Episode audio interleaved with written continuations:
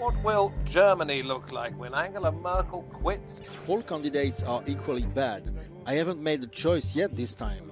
Förutsägbar och inte någon lekstuga. Det är en vanlig beskrivning av tysk politik.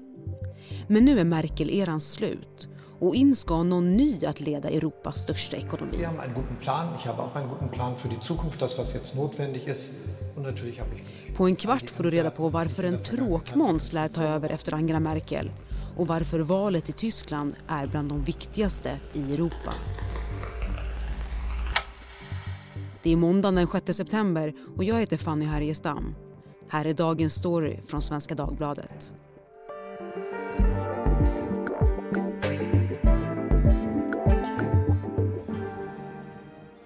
Therese Larsson Hultin, utrikeskommentator här på Svenska Dagbladet.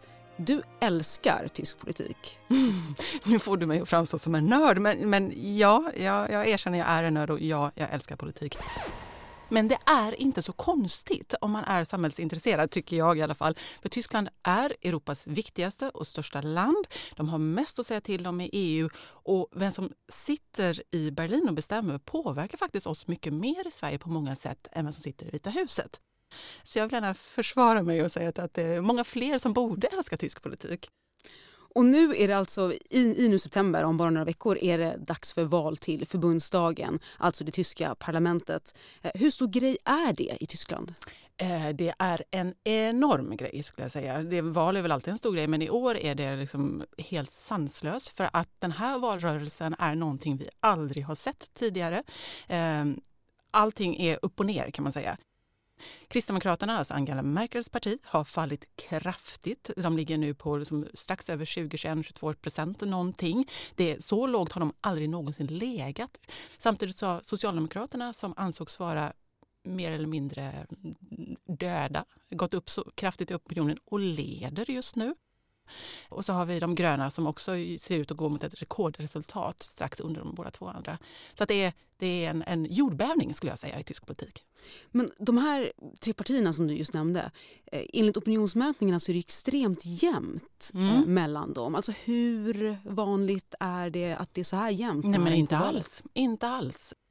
Och det, det gör ju också att det hela blir väldigt komplicerat. För vilka, hur ska man kunna bilda regering sen i efterhand? Vi kan gå in på det närmare sen. Men det, det kommer bli extremt svårt att bilda regering om det ser ut som det gör nu. Så det här är, som jag sa, jordbävning. With just one month to go before Germany's general election, many voters still don't know who to back. Så det står alltså och väger mellan tre partier. Kristdemokratiska CDU, Angela Merkels parti som i princip haft monopol på makten sedan andra världskriget, har fallit till bottennivåer. Socialdemokraterna, SDP, som fram tills ganska nyligen var uträknade, de leder nu plötsligt. Och så de gröna, Die Grünen, som hade stark medvind i våras och som dalat sedan dess men ändå ligger trea. Och det är ju ett val av partier, men det är personerna, partiernas kandidater som står i fokus. Och som Therese skrev i en analys här i Svenska Dagbladet har de en sak gemensamt. Och det är att ingen av kandidaterna verkar särskilt omtyckt av tyskarna. Mm. Ja, men jag ber om ursäkt för att jag skrattade till alldeles nyss, men jag gör det, eller gjorde det för, att- för att de anses vara väldigt dåliga, eller inte dåliga som politiker, men de är, de är väldigt impopulära av olika skäl. Och tyskarna vill egentligen inte ha någon av dem som kansler. Men, men den som leder eh, i popularitet är Olaf Scholz som är socialdemokrat och eh, finansminister. Olaf Scholz, 63 år och Socialdemokraternas kandidat. Han kallas även der Scholzomat för sitt robotliknande beteende. Ich will diesen Weg mit euch gemeinsam gehen. Aus Respekt für dich. Mit Kompetenz für Deutschland. Han kanske möjligen är tråkigast av dem alla. Och nu pratar jag inte politik, utan nu pratar jag liksom karisma och personlighet. Eh, men det går hem just nu för att han är bättre än de andra två, anses det. Och han står för en stabil politik och en fortsättning. Och intressant nog så spelar han just nu Merkel kan man säga. Så till den milda grad att kristdemokratiska politiker har börjat tala om att han försöker stjäla Merkels eh, arv i smyg.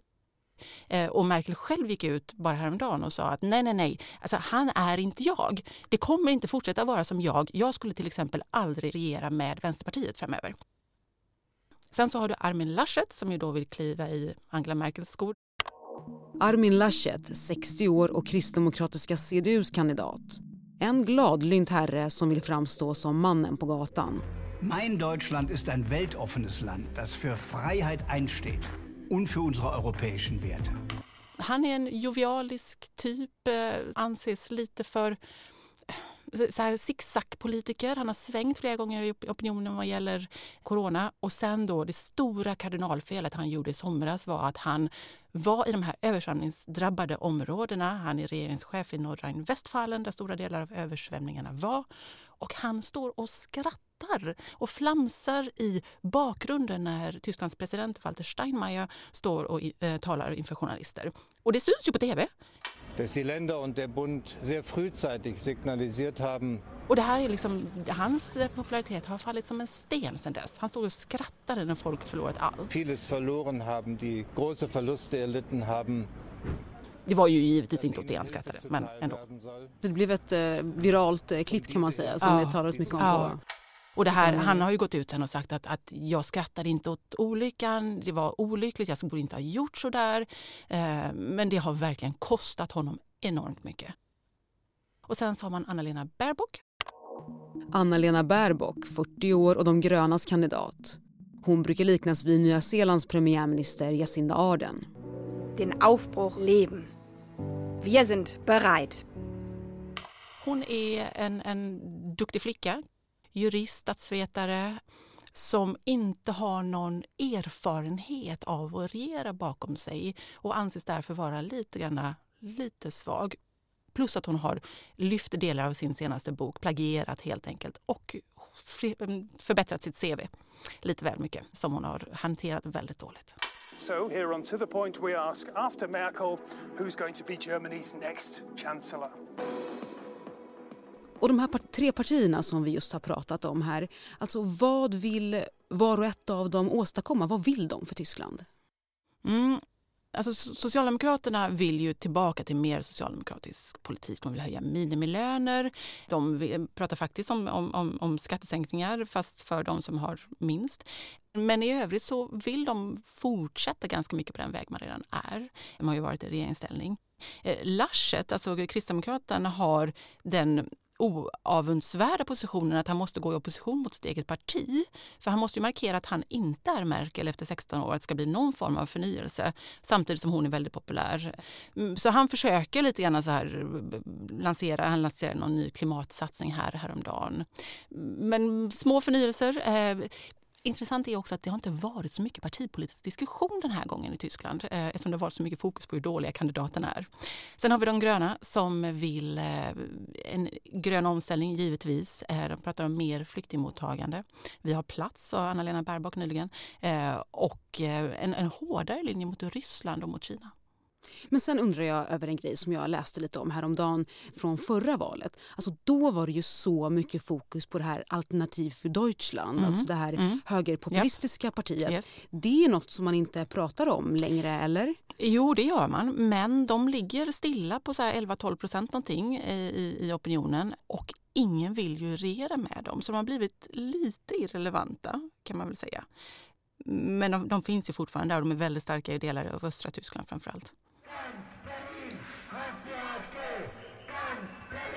framför allt.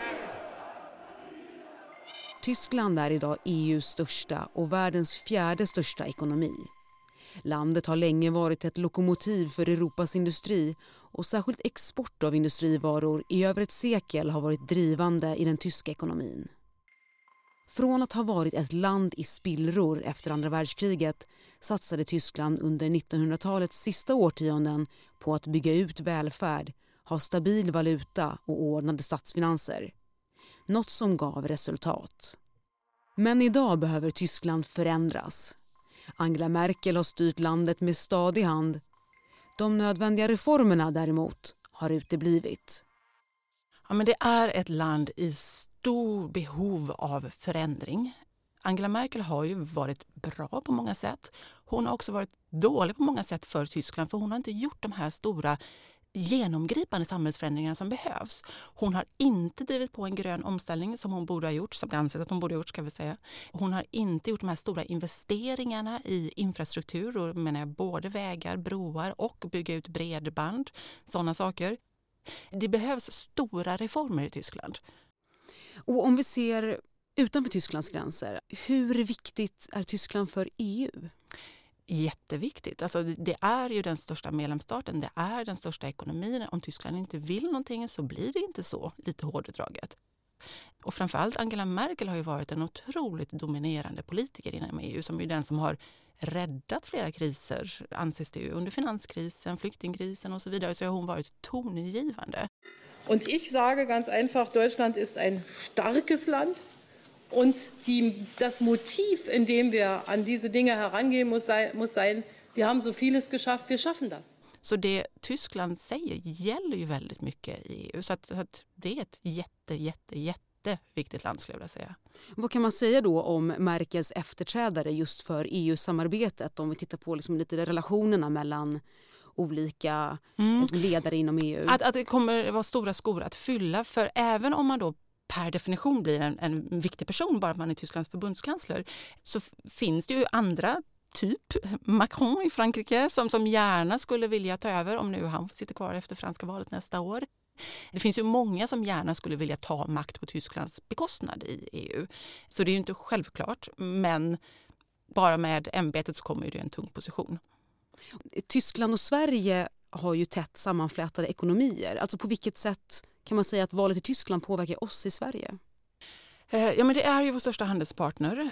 Så, så det, det, betyder ju väldigt mycket. Och sen så är det ju också ett land som vi skulle kunna ha ännu tätare samarbete med i EU. Inte minst nu när Storbritannien då har lämnat, som ju var en partner på många sätt för Sverige, delar värderingar och sådär. Vi delar många värderingar med Tyskland också, så man kan tänka sig ett, ett närmare samarbete. Men som sagt, det, för svenska företag så är Tyskland i många fall den absolut viktigaste marknaden. Helmut Kohl är den förbundskansler som har regeringsrekordet i Tyskland. In seiner moralischen Grundlage angreift. Der muss die Antwort bekommen, die allein versteht. Han satt på tronen i 16 år och 26 dagar och nu pratas det ju om att Angela Merkel kan komma att bräcka det här rekordet eftersom det förutspås nu att det blir en väldigt komplicerad regeringsbildning alltså efter valet. Varför då? Jo, men det verkar ju verkligen som att hon kommer att spräcka Kohls rekord som det ser ut nu. För som jag var inne på i början så är det troligen extremt svåra regeringsförhandlingar som väntar. Du har tre nästan jämnstora partier och i Tyskland, till skillnad från i Sverige, så vill man ha majoritetsregeringar. Man har aldrig haft något annat. Och matematiken räcker helt enkelt inte till som det ser ut just nu. Just nu ser det ut som att det måste till en regering med CDU, alltså Kristdemokraterna, eh, Socialdemokrater och de gröna eller Liberalerna för att det ska bli en majoritetsregering. Men, men inget av de här partierna vill egentligen regera med de andra. Eh, och förra gången så höll de på ända fram till mars innan Merkel kunde svära eh, kanslereden. Och valet var ju då i september 2017. Så att man räknar med, och det här är bara spekulationer, med att de kommer hålla på att förhandla till februari kanske. Eh, för att det kommer vara så svårt. Så då har vi eventuellt ett instabilt Tyskland men på kort sikt, inte på lång sikt? Nej, inte på lång sikt. Tyskland vill ha stabilitet och Tyskland kommer få stabilitet, det tror jag verkligen. Men du Therese, som en avrundning, du har ju bevakat tysk politik väldigt länge. Eh, hur många val till förbundsdagen har det blivit? Oh, nu avslöjar jag hur gammal jag är. Eh, det första som journalist var väl 2005 när Merkel kom till makten men jag har ju följt det här sedan 90-talet någon gång. Så jag började när jag var fyra år kan vi säga. Vilket är det mest minnesvärda? Eh, men för mig personligen så är det valet när Merkel kom för att det var en sån otrolig skillnad hur hon eh, bevakades i den valrörelsen. Hon gick från att vara en grå mus till att bli något annat i journalisternas ögon och i de bilder man valde. Men det är en helt annan podd tror jag. Tack Therese Larsson Hultin för att du kom till Dagens Story. Tack. Och för er som precis som Therese älskar Tyskland och vill ha mer om Merkel, lyssna gärna på vårt Merkel-avsnitt från i somras. Vi som gjorde programmet idag är producent Daniel Persson Mora, redaktör Maria Gelmini och jag heter Fanny Härgestam.